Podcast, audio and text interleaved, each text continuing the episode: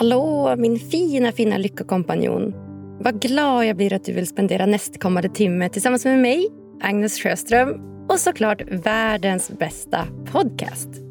Att sprida kunskap och inspiration om hur du kan påverka ditt egna välmående till det bättre Ja, det är något som jag verkligen brinner för och nu vill dela med mig av till dig också. Idag gästar psykologen, författaren och föreläsaren Siri Helle Lyckopodden för att bland annat avslöja de fem vanligaste myterna om självkänsla. Ja, Siri hon tog sin psykologexamen från Stockholms universitet och mottog under studietiden utmärkelsen Lilla psykologpriset. Bland annat för sitt arbete med att popularisera psykologisk forskning. Typ det viktigaste som finns. Siri medverkar regelbundet i TV4, Svenska Dagbladet och Sveriges Radio och drivs av att sprida psykologisk forskning och kunskap till allmänheten. Siri har också skrivit flertalet böcker, bland annat Känslofällan. Ta makten över dina tankar, känslor och ditt beteende. Vilket också är den boken som vi utgår ifrån i vårt samtal idag. Ja, det här är ett minst sagt lärorikt avsnitt. Jag vill ha med mig den här boken i fickan hela tiden. Vad är en känslofälla? Finns det också något som heter tankefälla? Och hur gör vi för att hantera de här? Ja, minst sagt lärorikt avsnitt. Varsågoda!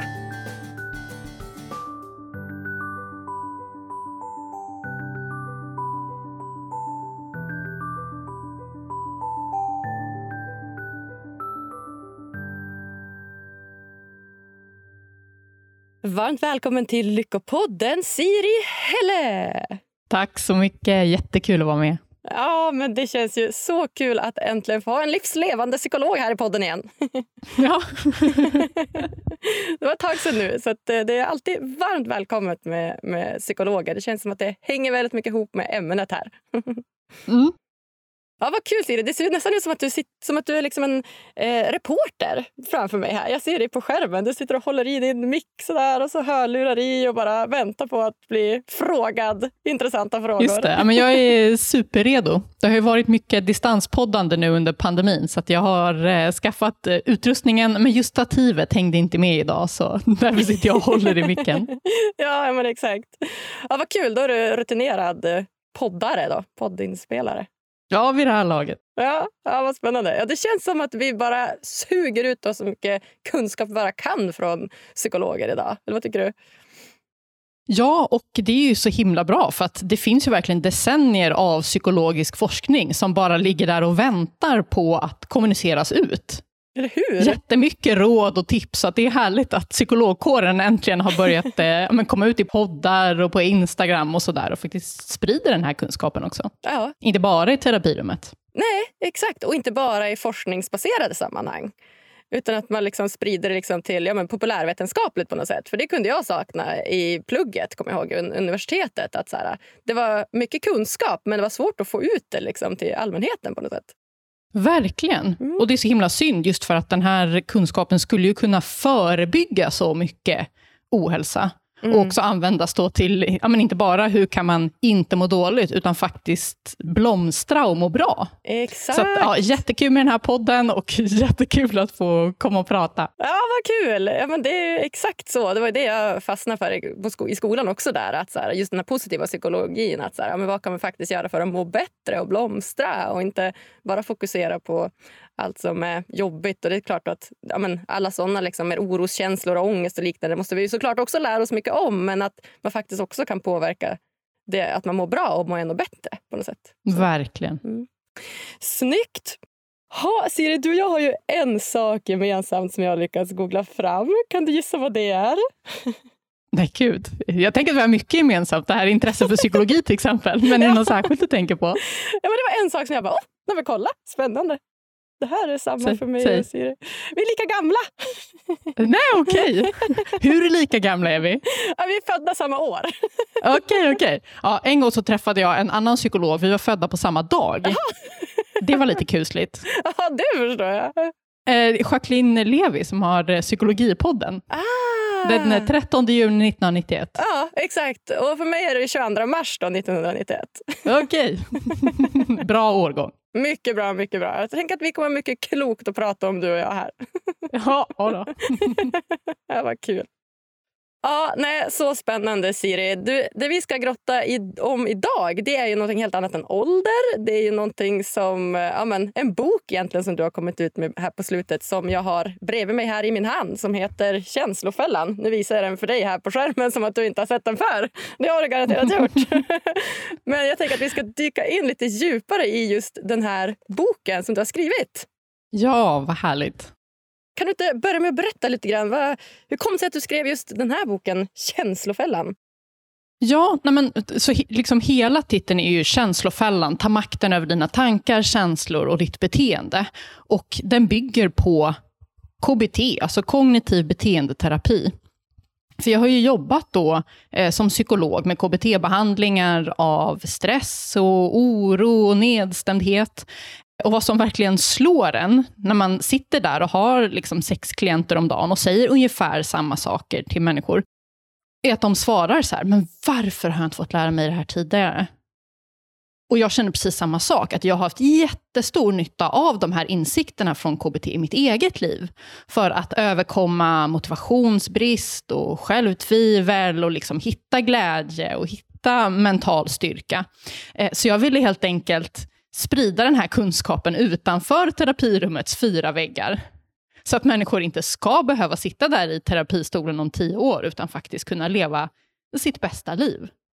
Ja, men Så spännande. Känslofällan, alltså. Ja, ta makten över de olika delarna av ditt liv. För att för mig ja, men personligen så, så har jag gått väldigt mycket från att lämna tankefällan, då, om man får säga så. Alltså mm. Det här med mm. att du ska tänka dig till alla beslut i livet och du är väldigt mycket uppe i huvudet och det är väldigt maskulint och du vet väldigt så här, prestation, prestation, prestation och tänka, tänka, tänka och kanske inte lyssnat så mycket på så här, min kropp och mina känslor. Så att, mm. Det var spännande för mig att liksom få den här vinklingen, det här perspektivet nu. Att så här, aha, men vänta nu, det finns en känslofälla också. Så att jag ska inte... Ja, mycket man ska hålla reda på. ja, exakt. Ja, men, och det är mm. jätteviktigt att du tar upp det här. För att i grund och botten så är ju känslor någonting bra. Ja. Det är någonting fantastiskt till och med. Känslor är ju som psykologiska program som vi människor har sen evolutionen, som ska hjälpa oss att agera snabbt och ändamålsenligt i olika situationer. Så till exempel om vi blir rädda så får vi impulser att dra oss undan. Eh, om vi blir nyfikna så vågar vi oss fram och undersöker. Eh, och det här är ju jättebra. Problemet är ju när våra känslor är felkalibrerade. Mm. Vi kan ju till exempel känna oss rädda eller nervösa för någonting som egentligen inte är farligt, något som kanske är bra för oss. Till exempel att eh, eh, gå på en jobbintervju eller fråga ut någon på dejt eller vad det kan vara. Och Det är då de här känslofällorna kan uppstå. Alltså att vi gör det som känns rätt i stunden, trots att det saboterar för oss mm. på sikt. Just det. Och Jag tror att du skrev upp några av dem i den här boken som jag tänker att jag kanske kan läsa upp. Ja, ja lite vanliga känslofällor. Ja, ja exakt. Eh, för du skriver så här, känslofällan, ja, egentligen det du sa nu då, men känslofällan är när du agerar på dina känslor för att det känns rätt i stunden, trots att det bara förvärrar problemet på sikt. Eh, och så frågar du så här, känner du till några av de här klassiska känslofällorna? Och då kan det vara till exempel att um, du prokrastinerar genom att sitta med mobilen, småäta eller plocka med saker istället för att ta tag i det där som du verkligen behöver göra. Du ställer in träningspasset för att det känns så förfriskande skönt i soffan. Och, ja, men du sprätter iväg pengar på alkoholspel eller shopping för att bedöva känslor. Eller, du skrev något spännande här också med svartsjuka. Vad var det då? Det var ju att um, ja, men här, du sitter med ditt ex gamla tröja och gråter till era låtar trots att du egentligen behöver, borde gå vidare. Och du fastnar i svartsjukenojor som hotar att förstöra din relation på riktigt. Så det kan ju verkligen ge ganska stora konsekvenser det här. Verkligen. Ja, för vi människor fastnar ju i känslofällor varje dag. Mm. Alltså, det händer ju varje dag att vi kanske skjuter på någonting som vi egentligen borde göra eller eh, liksom, ja, men, eh, nojar över någonting och vidtar onödiga försiktighetsåtgärder. Men det kan ju i värsta fall bli så att det blir negativ spiral. Så att man verkligen liksom saboterar för sig själv. Ja, men till exempel att man eh, dricker alkohol för att döva jobbiga känslor. Eller att man tycker att det är så himla jobbigt att sätta gränser så att man bara låter människor trampa på en och kanske till och med liksom går in i väggen på grund av det. Så det är därför det är så himla viktigt att få lära sig att hantera de här känslofällorna. Det finns ju liksom inget vaccin från svåra känslor, men däremot kan man lära sig hantera dem så att de inte blir starkare eller sitter i längre än nödvändigt och framförallt då inte kommer i vägen för livet man vill leva. Ja, precis, exakt. Jag tänker Vi ska alldeles strax gå in på som du säger, hur man faktiskt hanterar det här. Men skulle du säga att det också finns något som kallas för tankefälla? Ja, ja. Det, det, gör det ju. Ja, berätta om tankefälla. Vad är det för något? då? Tankefälla är ju också då när tankarna inte är helt välkalibrerade efter hur verkligheten ser ut. Det är till exempel väldigt vanligt att man fastnar i eh, katastroftänkande. Så att man tänker liksom värsta möjliga scenariot och är väldigt upptagen med så här, vad som skulle kunna hända, fast det kanske egentligen är ganska osannolikt. Det kan ju också vara eh, vad man kallar för negativitetsbias. Alltså, som människor har vi en tendens att fokusera mer på negativ information än positiv information. Så att även om ni vet, vi har ett utvecklingssamtal och får höra så här, fem grejer vi gör bra och sen så ett utvecklingsområde. Exakt. Vad är det man går och grubblar ja, över? Bara den utvecklingsgrejen. Ja, ja. ja. Just det. Nej, precis. Jag håller helt med. Och Den känns ju som att de flesta också borde känna till. Att så här, just att tankarna inte alltid heller är helt välkalibrerade. Men det är ju den då, Siri. Vi har lite svårt ibland att lyssna på våra känslor som inte alltid är välkalibrerade. Och det är svårt att alltid lyssna på våra tankar som inte alltid är välkalibrerade. Vad gör vi då? Vad gör vi? Vad litar vi på här? Vad litar vi på? Fantastisk övergång. Nej, men för, för KBT då är ju liksom, grunden man utgår från är vad man kallar för den psykologiska triangeln, som består av tankar, känslor och beteenden. Och Tankar, känslor och beteenden de hänger ihop och påverkar varandra. Så förändras ett av hörnen i den här triangeln så påverkas de andra två. Till exempel då, säg då att man är nervös inför att göra någonting, då kan man försöka tänka annorlunda. Man försöker tänka förnuftigt eller tänka positivt. Man kan också försöka förändra sin känsla. Man försöker skärpa till sig, inte vara så rädd. Eh, men som sagt, båda de här grejerna kan vara ganska svårt. Men där vet vi från psykologisk forskning och liksom decennier av liksom behandlingserfarenhet att man kan också börja i beteendehörnet. Så istället för att agera på känslan man har, så agerar man i linje med känslan man vill uppnå. Alltså så här, fake it till you make it. För då förändras också tankarna och känslorna. Och Det här kallar jag för beteendeprincipen. Så när du vill förändra dina tankar och känslor, börja med att förändra beteendet. Just det. Okej. Okay. Så du menar att då det bästa är då att ja, men om man är orolig för någonting eller tänker att jag, något inte kommer funka så bör man alltså agera efter sitt beteende istället för tanken och känslan? Precis, och säg då att man är nervös för eh, kanske en jobbintervju eller en presentation eller vad det nu kan vara för någonting. Då kanske ens tankar säger, gud det är ingen idé, eh, ställ in, du kommer ändå bara misslyckas. Man är jätteorolig och nervös. Eh, då kan man få impulsen att liksom ställa in. Eller kanske då, man, man gör det men man överförbereder sig verkligen. Sådär. Men då går beteendeprincipen ut på att agera som om du inte vore så nervös. Du vet, att, att tacka ja. Att bestämma, okej, okay, hur mycket tid är det rimligt att lägga ner på förberedelser här? Och sen göra det, men inte mer. Och när du befinner dig i, i, den situationen, att du agerar som du gör när du är lugnt. Du liksom slappnar av och öppnar upp ditt kroppsspråk och kanske här, ler och håller ögonkontakt och sådär. För det leder då i sin tur till att den här oron krymper. Det blir liksom en psykologisk feedback-loop. Att jaha, det här var kanske inte så farligt som jag inbillade mig. Och du blir trygg på riktigt. Bör man alltid använda den här principen? Går det, går det att göra i alla sammanhang? Liksom? Säg, för nu har vi tagit lite jobbsammanhang. Jag tänker typ, jag tänker typ, går det alltid att använda i relationer? Och liksom alla olika delar. Liksom. Går det alltid att använda den här principen? Alltså det är det som är så fantastiskt. Att det här funkar ju i alla situationer där tankarna och känslorna är felkalibrerade på något sätt. Och det funkar med massa olika känslor. Så i den här boken, då, Känslofällan, då tar jag upp hur man hanterar de vanligaste känslofällorna. Alltså självkänsla, motivation, glädje, oro och stress. Och liksom steg för steg vilka beteenden man kan använda för att hantera de här känslorna. Men sen är det viktigt som du säger, att det, det funkar inte i alla situationer. Till exempel om känslan är eh, liksom helt rimlig. Alltså om man är, eh, har, har, eh, extremt mycket på jobbet och känner sig väldigt stressad för att man har du vet, en deadline om två dagar, då kanske, inte, då kanske man bara ska jobba på. Men man kan ju också ha så att man känner sig stressad för att det liksom alltid känns som att man har mycket att göra och man aldrig får den här pausen man behöver. Och då kan det bli en känslofälla att agera på den stressen.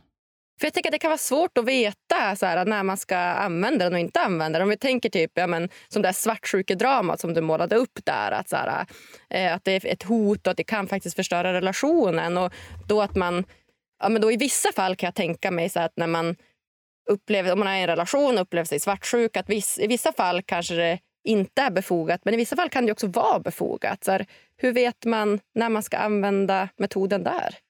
Precis, det är väldigt liksom, svårt att veta, är mina känslor felkalibrerade? För det känns ju ja, som att de stämmer. Exakt, de är ju så himla säkra själv på att de är sanna. kan man säga. Känslor mm, är verkligen mm. Eh, övertygande. Verkligen. Nej, men så därför i den här boken eh, så tar jag upp eh, vad jag kallar för stoppanalysen.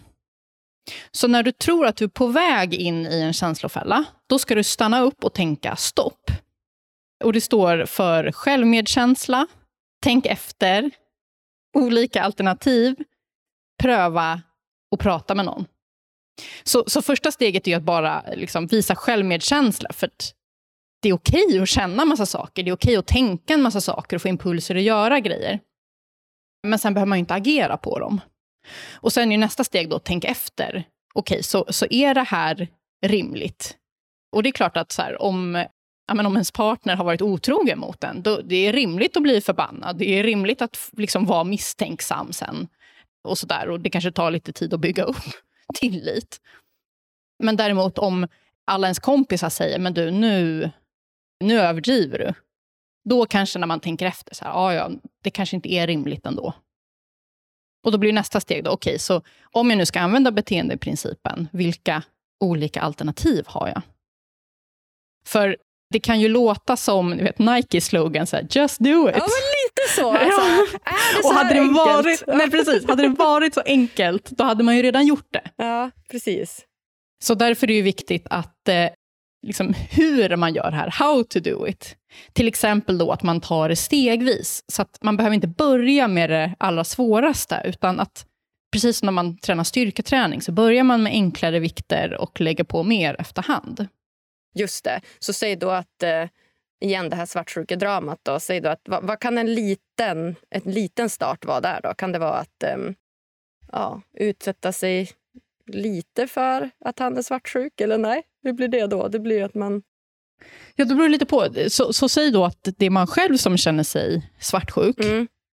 Då kan det vara till exempel första steget att så här, nej, jag ska inte kolla personens eh, sms och eh, sociala medier. Liksom. Det, för det är ändå en grundläggande nivå av tillit i en relation, att man inte spionerar på varandra. Och sen kanske nästa steg är så här, ja men nu, jag måste låta den här personen liksom gå ut med sina kompisar eh, och gå på krogen utan att jag är med. Och, liksom, ja, men jag, och den här personen har en god relation med sitt ex. Jag måste låta dem träffas. Liksom.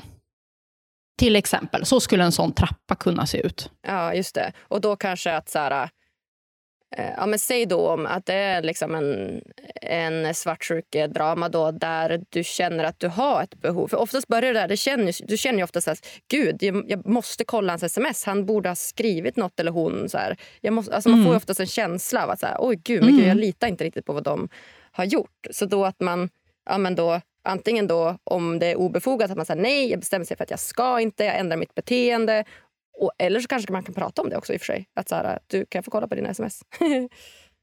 Just det, men, och, och det är det här som är liksom det luriga då. Att om man agerar på sina orostankar, så går man med i den här liksom psykologiska spiralen.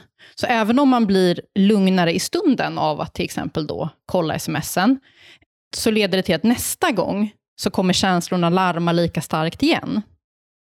Medan däremot om man lyckas då motstå frestelsen att kolla smsen och istället då kanske säga nej, nu ska jag fokusera på någonting annat, jag ska ringa en kompis och prata om någonting helt annat till exempel.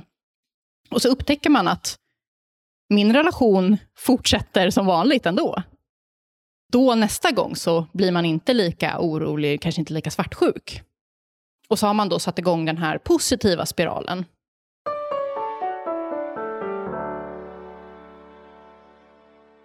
Hörni, är det bara jag som upplever att det ibland är lättare att ta hand om andra än att ta hand om sig själv? Ja, det speglas verkligen i mitt engagemang kring just försäkringar. För mig tar det emot så mycket att behöva jämföra, ringa, teckna och säga upp olika typer av försäkringar hit och dit. Du ska veta vad de täcker, vad de inte täcker och så vidare och så vidare. Därför så stänger jag lätt av öronen när det kommer till olika typer av försäkringsbolag. Men när jag fick veta att det finns en försäkring att teckna mycket för andras skull, ja då började jag plötsligt haja till. Det ger mig sånt peace of mind att veta att mina nära och kära mår bra. Därför så blev det för mig en no-brainer att teckna just Just In Case digitala livförsäkring som tar hand om min familj och kanske mina framtida barn om det nu skulle hända mig något. Ja, nu hoppas vi såklart att det inte gör det och jag tänker att det inte ska det. Men om vi leker med tanken om. För det kan ju faktiskt hända. Och det är faktiskt så att en av tre familjer i Sverige inte har råd att bo kvar om ens partner mot förmodan skulle gå bort eller liknande. Och hur hemskt är inte det? Och eftersom att vi kvinnor sjukt nog fortfarande tjänar mindre pengar i många branscher än vad just män gör så slår det ju extra hårt mot just oss kvinnor. Och det tycker inte jag är okej. Okay. Därför har jag inlett ett samarbete tillsammans med Just In Case och deras livförsäkring. Det är en försäkring som inte behöver kosta mer än 65 kronor i månaden och tar en ynka liten minut att genomföra. Och eftersom att ni är världens bästa lyssnare så blir ni såklart bjudna på första månadspremien. Gå bara in på www.justincase.se lyckopodden och teckna din livförsäkring nu på mobangen. Ja, gör det, bara gör det. Ett litet tips från mig. Puss och kram!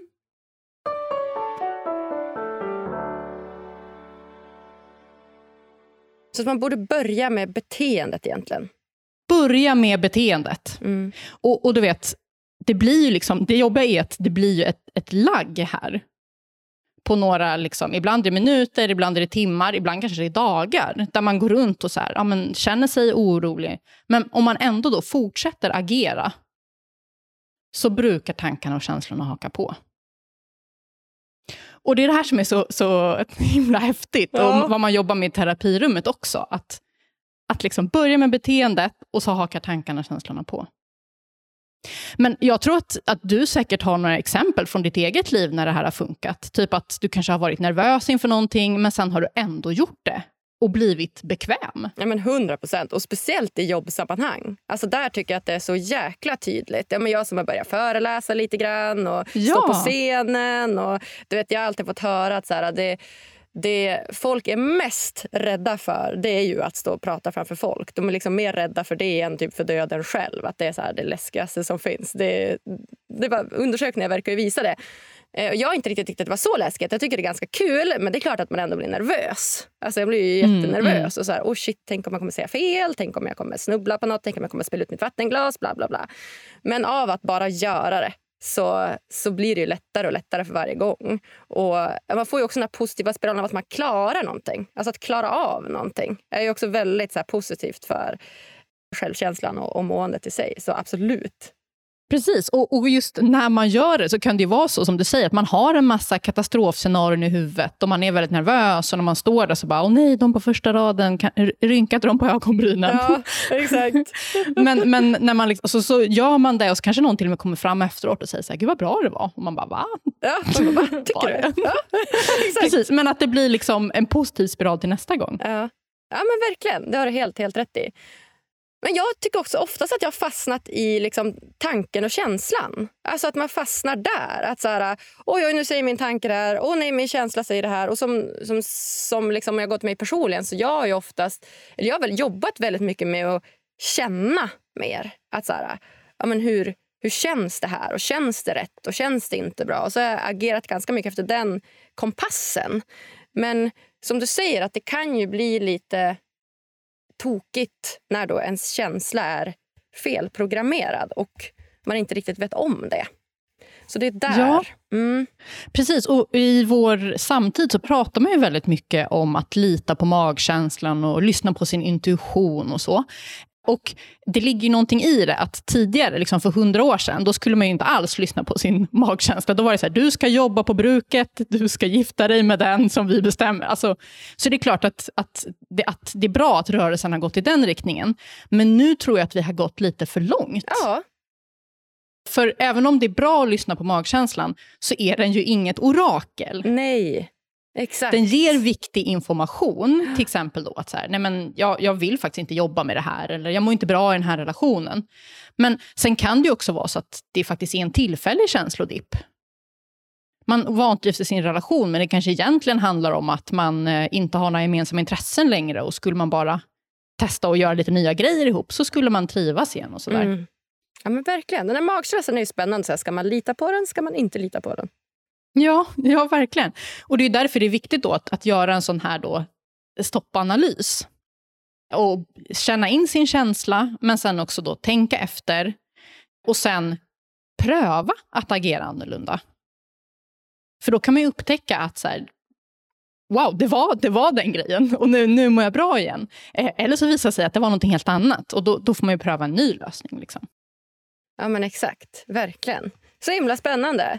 Är det någon gång man absolut inte ska använda den här beteendeprincipen? Eller går den att liksom tillämpa i princip hela tiden då, tillsammans med den här stoppanalysen? Ja, men det är just det där att det är viktigt att avgöra, är det här en liksom välkalibrerad känsla där det är bra att jag agerar på den? Ja, precis. Så att det inte är så att man är i en svartsjukedrama och sen visar det sig att den här personen faktiskt inte är så att lita på. Och så sitter man och liksom försöker förändra sitt egna beteende när egentligen den här personen faktiskt sviker en. Liksom. Precis, eller man har en helt orimlig chef som är, liksom, trycker ner en och ger en helt orimliga arbetsuppgifter och man tänker att så här, Åh nej, jag måste bli mer stresstålig. Ja. Här, nej, du ja. behöver stå upp mot din chef. Det är det det handlar om. Exakt, och den kan ju vara lite svår. Är inte det svårt att veta det? då? Så här, när är min chef rimlig, ställer rimliga krav och inte? Ja, precis. Det kan vara svårt att veta. Ofta kan det hjälpa då att prata med andra och försöka då så sakligt som möjligt återge och fråga vad, vad tror du? Och sen också att det kan vara värt att alldeles oavsett då, till exempel träna sig på gränssättning. Så att man kan säga nej till sin chef utan att man tycker att det är liksom jättejobbigt. Och träna sig då i lite enklare situationer så att man sen blir bekväm att säga ifrån när det gäller också större saker. Just det, exakt. Ja. Du, det känns som att du involverar ofta det här att man ska prata med någon och liksom involvera andra. Är det viktigt att liksom kunna ja, stötta andra i såna här processer? Verkligen. Vi människor är ju flockdjur. Så det är väldigt viktigt för vårt mående att vi eh, känner liksom, eh, gemenskap och utbyte med andra. Och Det gör ju också att de här känslofällorna tenderar ju att involvera andra också. Att vi på något sätt är kuggar i varandras känslofällor. Och det här har jag tänkt på mycket när, vi, när det handlar om att man kanske har då en kompis som mår dåligt. Eller en familjemedlem som fastnar i samma känslofälla gång på gång på gång. För där får vi ofta höra då att om du ska stötta någon som mår dåligt, då är det viktigt att du är inkännande och förstående och lyssnar på den personens behov. Och det är såklart att det är viktigt och det är väldigt fint att göra det. Men det kan ju också vara så att den här personen har fastnat i en känslofälla och att du hjälper den. Att du på något sätt är medberoende. Mm. Har du något exempel? Ja, till exempel då om personen är eh, nervös inför någonting som den skulle må bra av att klara av. Den kanske eh, är nervös inför att eh, ja, men så här, söka nytt jobb eller bara liksom, gå ut i sociala sammanhang eller göra vissa saker. Och Då kan man tänka att jag är en bra kompis genom att göra det åt den. Så att den slipper göra det där. Och den kommer säkert tycka att det är jätteskönt att slippa också. Men där kanske man snarare då skulle stötta genom att peppa den att våga. Och ta de här stegen, att liksom bli, bli modigare och gå utanför komfortzonen. Ja, just det. just det. För det där kan jag tycka är eh, ja, men en svår balansgång när man träffar någon och umgås med någon som eh, lider av någon slags depression eller nedstämdhet och har gjort det under en längre tid. För där känns det som att en, ett vanligt symptom är ju att den personen stänger in sig. Alltså att den inte vill gå ut. Den sitter ju bara hemma. Och det är så himla svårt att på något sätt aktivera den här personen. Eller man vill ju bara så här, ah, kom ut och umgås. Och så, så bara, nej, men jag trivs bättre framför datorn. Eller du vet vad det nu kan tänkas vara. Har du tips där på hur man gör för att så här, hjälpa den här personen? Ja. Mm. Nej, men som du säger, att just när det gäller nedstämdhet så är ju känslofällan där att man inte har lust att göra någonting. Så då blir det ofta att man drar sig undan mer och mer från olika sammanhang och från relationer. Men att det då blir den här negativa spiralen där man får mindre och mindre energi, blir tröttare och tröttare och drar sig undan mer och mer. Och där går beteendeprincipen ut på att successivt aktivera sig. Att göra de där sakerna som man brukar må bra av att göra, även om man inte har lust just då. Och kanske då börja med liksom att ta en promenad, så då kanske man får energi att ringa en kompis och då kanske man får energi att ja, vad det nu kan vara, ge sig ut på stan. Ja. ja, men exakt. Och det där håller jag helt med om. Jag vet ju själv har dåliga dagar och bara vill ligga hemma eh, under täcket liksom, och inte röra sig någonstans. Ja. Och så någon dag kan väl gå bra, sådär, men när det blir liksom upprepat beteende och man liksom inte man tar sig ingenstans. Men det, det är som att den här tröskeln till att faktiskt vet, ta sig ut den är så, så stor. Vet. Plötsligt så här, åh gud vad jobbigt att ta av sig täcket, och gud vad jobbigt att ta på sig strumpor, och gud vad jobbigt att ta på sig jackan, och gud vad jobbigt att ta sig ut. Alltså, vet, det är som att mm, det är så här, mm. ens, hela ens värld. Och så vet man att jag brukar tycka det här är kul, men idag känns det inte kul. Och det är typ en stress i sig. att så här, gud Det här som jag brukar tycka är asroligt, det tycker inte ens jag är kul nu. Typ. Vad är det för fel på mig? Alltså, vet, det blir som en ond, mm, mm. en ond cirkel. Så kan det verkligen bli. Och det är klart att mår man riktigt dåligt eller man är kliniskt deprimerad, då räcker det inte med att till exempel då läsa känslofällan, utan då behöver man gå i behandling och få hjälp med det här att vända den spiralen. Men innan det har gått så långt, då kan det handla om just att man inte liksom, har lust. Och så tänker man så här, oh, ska jag gå eller ska jag stanna hemma? Och då är det oftast bättre att gå. Eller att man, eh, okay, man kanske inte orkar gå ut och festa, men man kanske i alla fall kan möta upp en kompis och ta en fika. Exakt, exakt. Att man gör det ändå. Alltså det känns som att mycket går ut på det, att man bara ska göra det ändå, trots att man känner som man känner eller tänker som man tänker. Ja, precis. Mm. Men sen är det viktigt att understryka att dels då att man lägger ribban på en rimlig nivå det handlar inte om att så här, det är klart du kanske skulle må bra av att ge dig ut på en eh, liksom löptur och springa två mil, men det är inte rimligt. utan Lägg ribban där du är. Ja. Och sen också att det handlar inte om att fejka känslor som du inte har. Det är inte så att när du träffar kompisen då så ska du låtsas att du mår bra och du vet skrattar så att tänderna syns och sådär. Utan var gärna ärlig och säg så här, du jag känner mig inte på topp idag, men jag träffas gärna ändå och liksom försöker då delta i samtalet. Mm. Men, men man måste liksom inte fejka någonting. Man kan acceptera att man känner som man gör och samtidigt agera annorlunda. Mm, just det. Exakt. Verkligen superbra där. För det, Man kan inte fejka någonting heller. Det går inte alltid bara att lägga på ett smile och tro att man så ska kunna fejka sig lycklig eller fejka sig glad. Utan att det får komma lite successivt då efter beteendena. Alltså efter att ju mer man tar sig ut och ju mer man liksom gör roliga saker. då till exempel. Precis, och det är väl det jag tycker, för ofta har ju folk hört det här i någon tappning tidigare. Man kanske har sett något inspirationscitat på Instagram eller sådär, du vet, fake it till you make it, eller eh, move your ass and your mind will follow. Eh, och det är det jag säger, men också det är viktigt att man nyanserar det, just så att man inte tror att det handlar om att man ska fejka. Nej. Det här handlar liksom snarare om att agera värderingsstyrt. Ah, såklart, ja. Att, att liksom känna, okej, okay, så jag har då mina tillfälliga känslor, men sen så har jag också mina mer långsiktiga värderingar. Och att även då om känslorna går upp och ner och sådär, att man försöker att agera på de här djupa, långsiktiga värderingarna. Även om tillfälliga känslodippar kanske tycker att man ska göra någonting annat. Ja, exakt. Bra. Det var också en bra liknelse där. Att agera efter det långsiktiga målet någonstans. Alltså dit man vill komma. Eller den värdering man har eller liknande. Ja. Mm.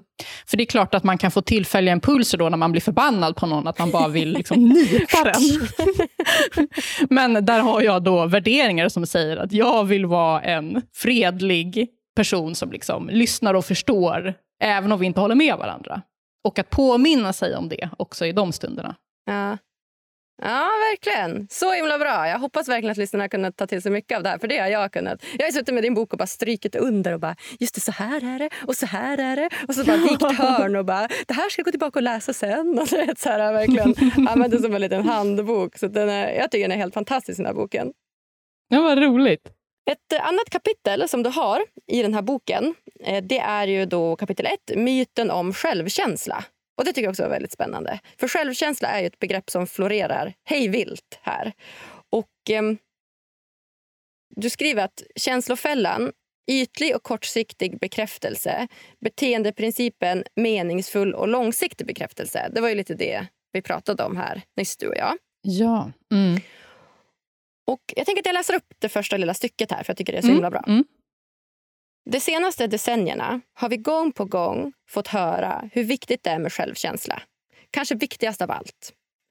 Den som har välsignats med hög självkänsla sägs kunna stå upp för sig själv och möta livets utmaningar med styrka och mod.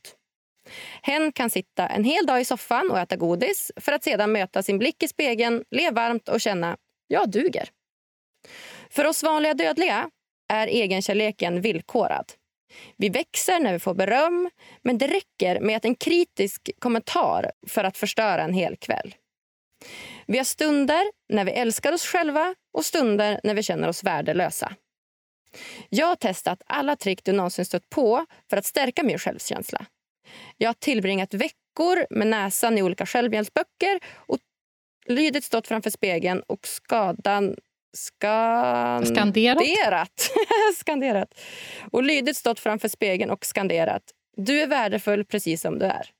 Men vet du vad? Det mesta vi har fått lära oss om självkänsla är fel. Det är liksom inledningen. Mm. Oh, alltså, wow, vilken cliffhanger! Berätta, varför är det mesta vi fått lära oss fel? Alltså, eh, självkänsla är ju hur vi värderar oss själva, hur vi ser på oss själva. Om man känner att man eh, duger och eh, liksom, tycker om sig själv med både styrkor och svagheter. Eller om man tvärtom då eh, har väldigt låg självkänsla och tycker att man är liksom värdelös och oduglig.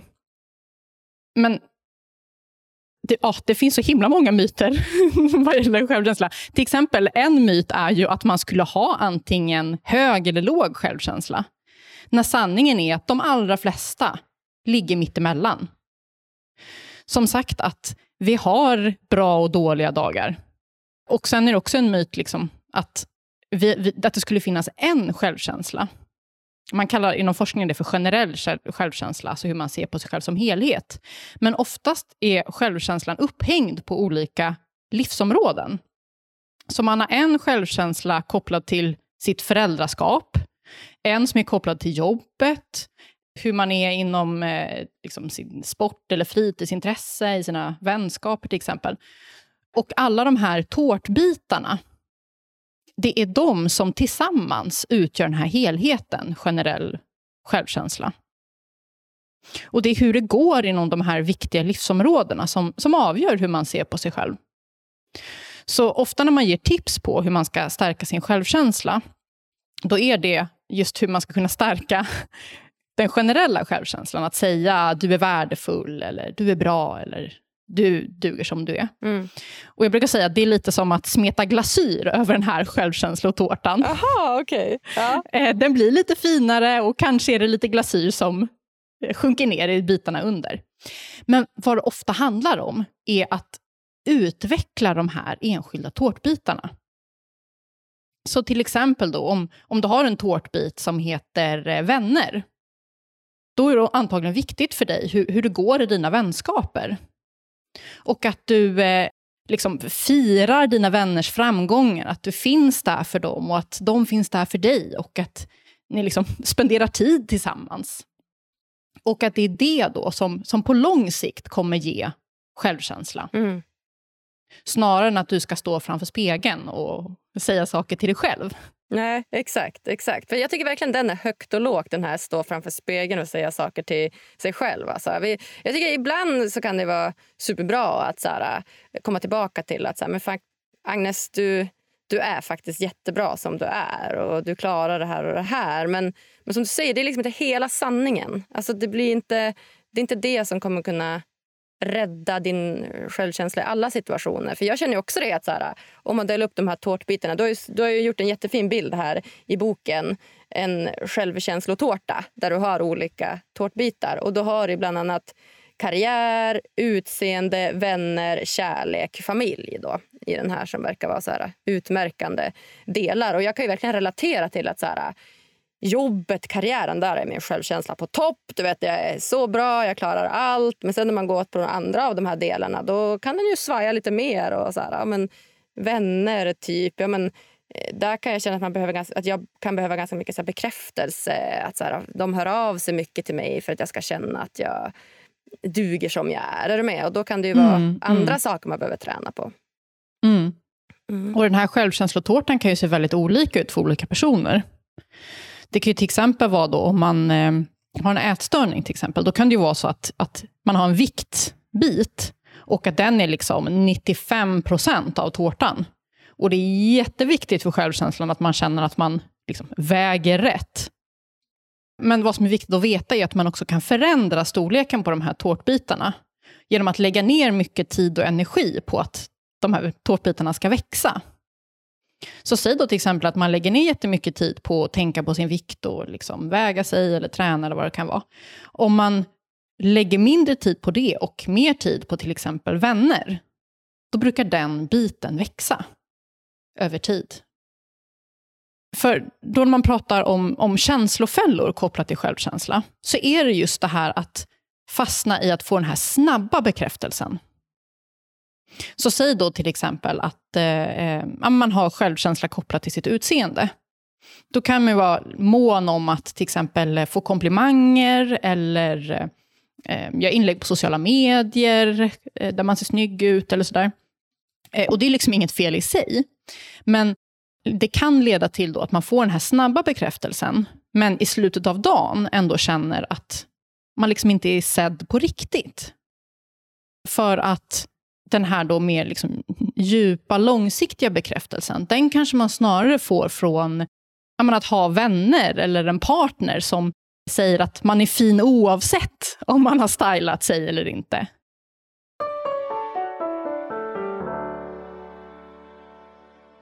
Alltså, vet ni vad en av de mest provocerande sakerna jag någonsin hört är? Äh, det var när min eh, bästa vän Milla kläckte ur sig för x antal år sedan att hon inte har någon bikinilinje. Alltså va? Ingen bikinilinje? Hur kan man inte ha en bikinilinje? En annan håller på att raka av sig överallt så att huden blöder. Speciellt nu till sommaren när kläderna börjar åka av och bikinisäsongen närmar sig. Ja, Milla hon är ju förvisso blond och lär ju ha blont hår på hela kroppen, men ändå. Ja, alla ni brunetter med ordentlig hårväxt där ute, jag är så med er. Det är inte lätt. Jag gissar att jag inte är den enda som har en mörk raggarsäng på magen. Ja, ni som vet, ni vet. Att vara brunett, det är inte lätt. Som tur är har jag nu hittat till Umeås äldsta och finaste hudvårdssalong, Face och deras fantastiska IPL laserbehandling. En snabb, säker och effektiv hårborttagning av pigmenterat hår i ansiktet och på kroppen.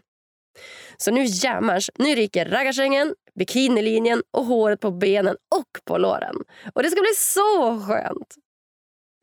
Ja, oftast så behövs typ 5 till 10 behandlingar. Men eh, det bestämmer du såklart i samråd med din hudterapeut. Och på Face där jobbar sex stycken auktoriserade hudterapeuter varav tre av dem innehar mesta brev i hudterapeutyrket. Ja, gud så skönt det kommer bli med hårlösa somrar framöver. Tack snälla Face för att ni gör det här möjligt.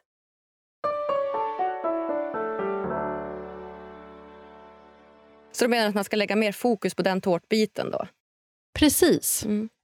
Och att det då kan göra att man stärker sin självkänsla på lång sikt. Mm. Och där blir då beteendeprincipen att liksom, även om det, det känns mer givande just nu kanske att ge sig ut och ragga upp en främling på krogen, så kanske det eh, på lång sikt kommer vara bättre att, att stanna med sina polare och liksom vara med dem och ha en kul kväll. Exakt, just det. Den är bra. Ja, men för Du skriver ju här fem myter om självkänsla. Det är ganska spännande. Då skriver du ett. Myt ett. Självkänslan avgörs i barndomen.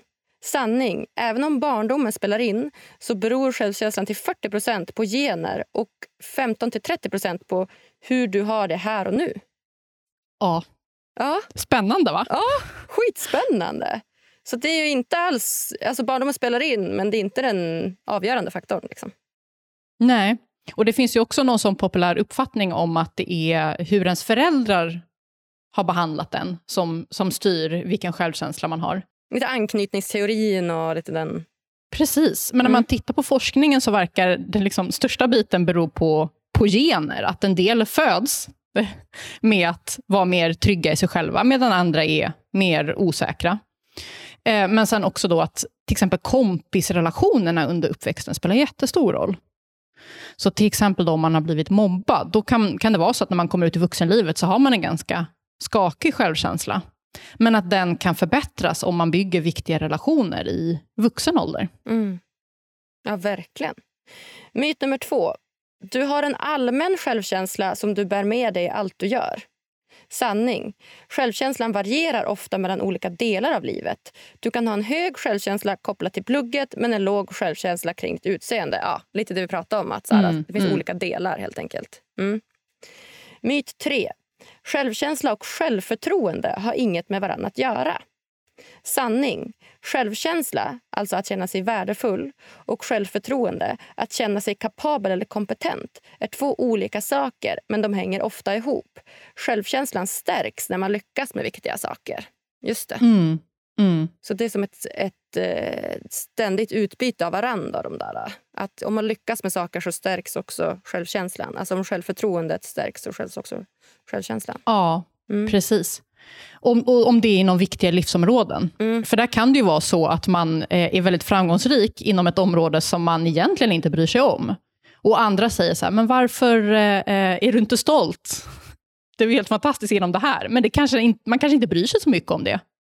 Det kanske är viktigare för en att man till exempel är uppskattad av sin partner. Och om man just då är i konflikt med sin partner, då är det det man går och tänker på. Ja, exakt. Verkligen. Kan det vara tvärtom då? Att självkänslan också stärker självförtroendet? Ja, men det gör det ju. Det, det hör jag ju när jag säger det, såklart. Att om du har en stark självkänsla och tro på dig själv så kommer du också klara mer av det du gör. Ja, man har sett att personer som har stark självkänsla är oftare är mer motståndskraftiga vid motgångar. Mm. Så att även om det går dåligt så känner de att eh, ja, ja, men mitt värde står inte och faller med det här, utan jag kan försöka igen. Mm. Och skulle jag misslyckas igen, ja men då, då försöker jag igen. Då kör vi igen. Ja, Medan personer som har väldigt låg självkänsla kan känna att då vill jag aldrig sätta min fot här igen, för att det var så himla jobbigt att misslyckas, för det var ett kvitto på att jag inte duger. Just det, exakt. Men, men däremot så ska man inte heller tro att man måste ha hög självkänsla för att bli framgångsrik eller få bra relationer. För det kryllar ju av människor som har väldigt höga tankar om sig själv. Men som faktiskt inte är så, så liksom, trevliga eller eh, duktiga. Och tvärtom då personer som eh, är väldigt kompetenta men ändå tvivlar mycket på sig själva. Ja, spännande. Myt 4. Personer med hög självkänsla är mer lyckade och omtyckta.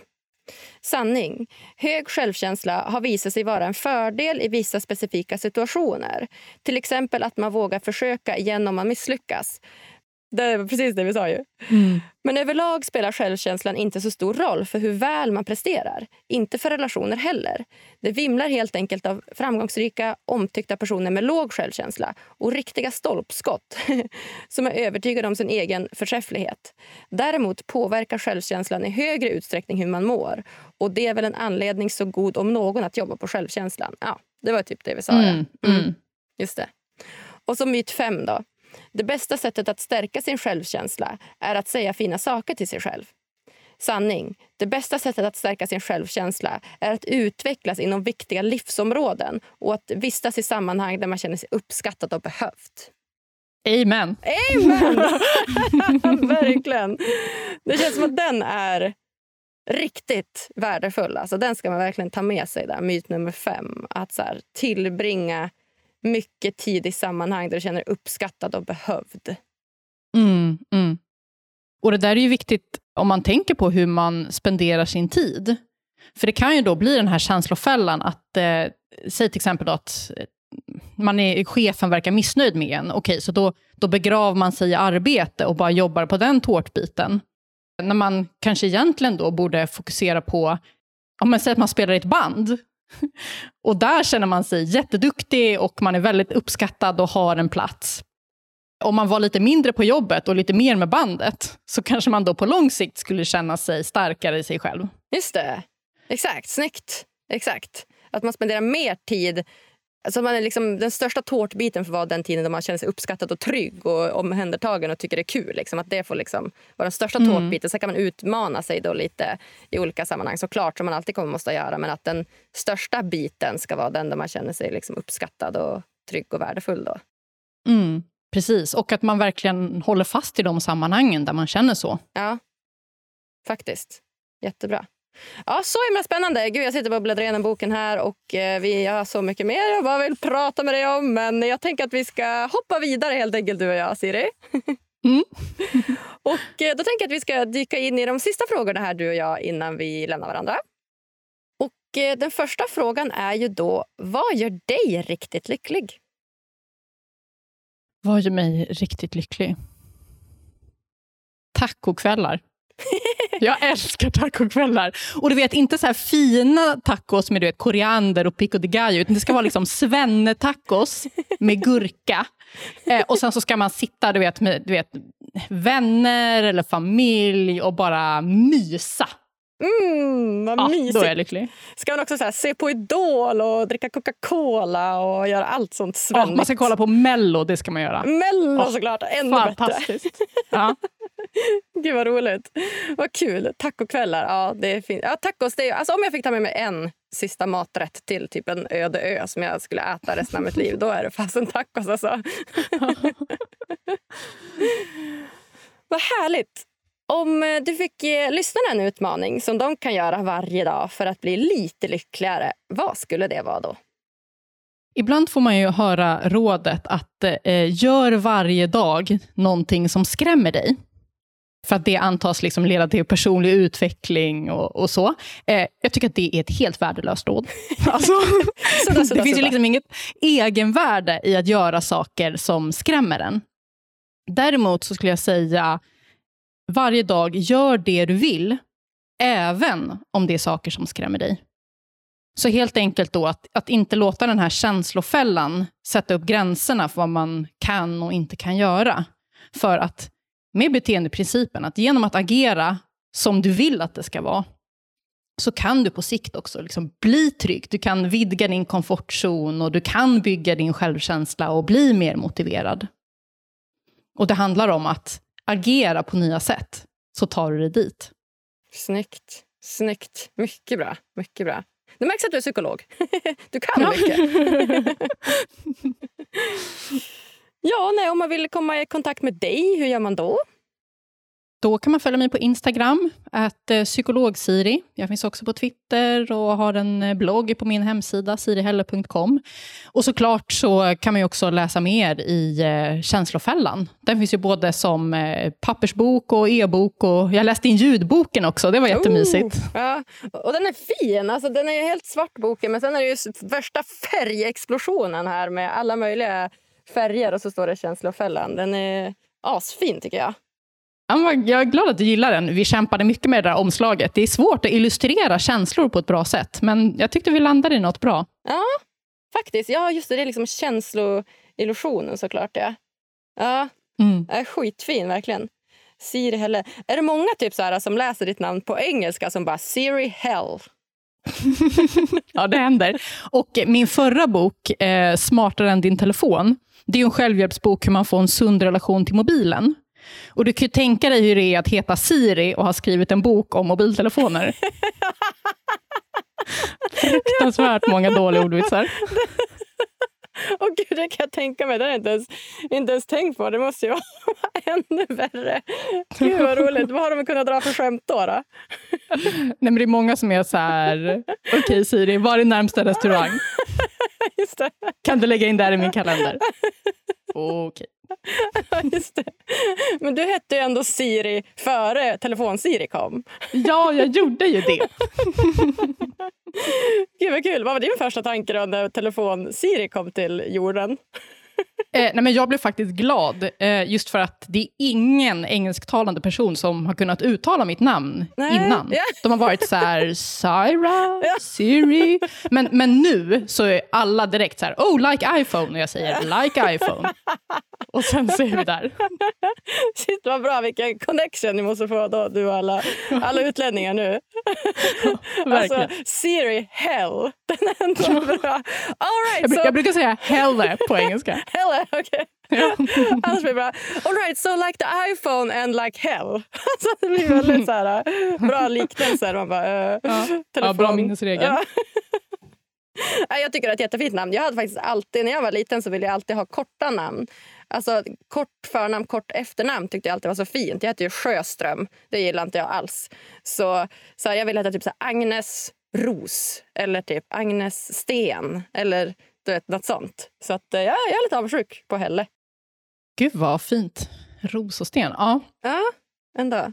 Eller kanske Sten Sten skulle man kunna heta. Sten i förnamn. Nej, gud. Flum, flum. Ja, nej, men kul, Siri. Just det. Och, eh, ja, men har du några, om man vill liksom gå till dig som psykolog, har du några lediga tider? Eller jobbar du som liksom, klinisk psykolog? Jag tar inte emot klienter, utan jag jobbar heltid nu med att sprida psykologisk forskning som föreläsare och skribent. Eh, jag är också faktagranskare på 1177, så att man, om man vill läsa då texter om eh, självkänsla eller att hantera oro och stress, så kan man kolla på 1177 helt enkelt. Ja, men snyggt! Till och med där mm. finns du. Vad härligt. Ja. ja, nej, är det något så slutligen som du vill dela med dig av till, till lyssnarna här som du inte har fått säga än?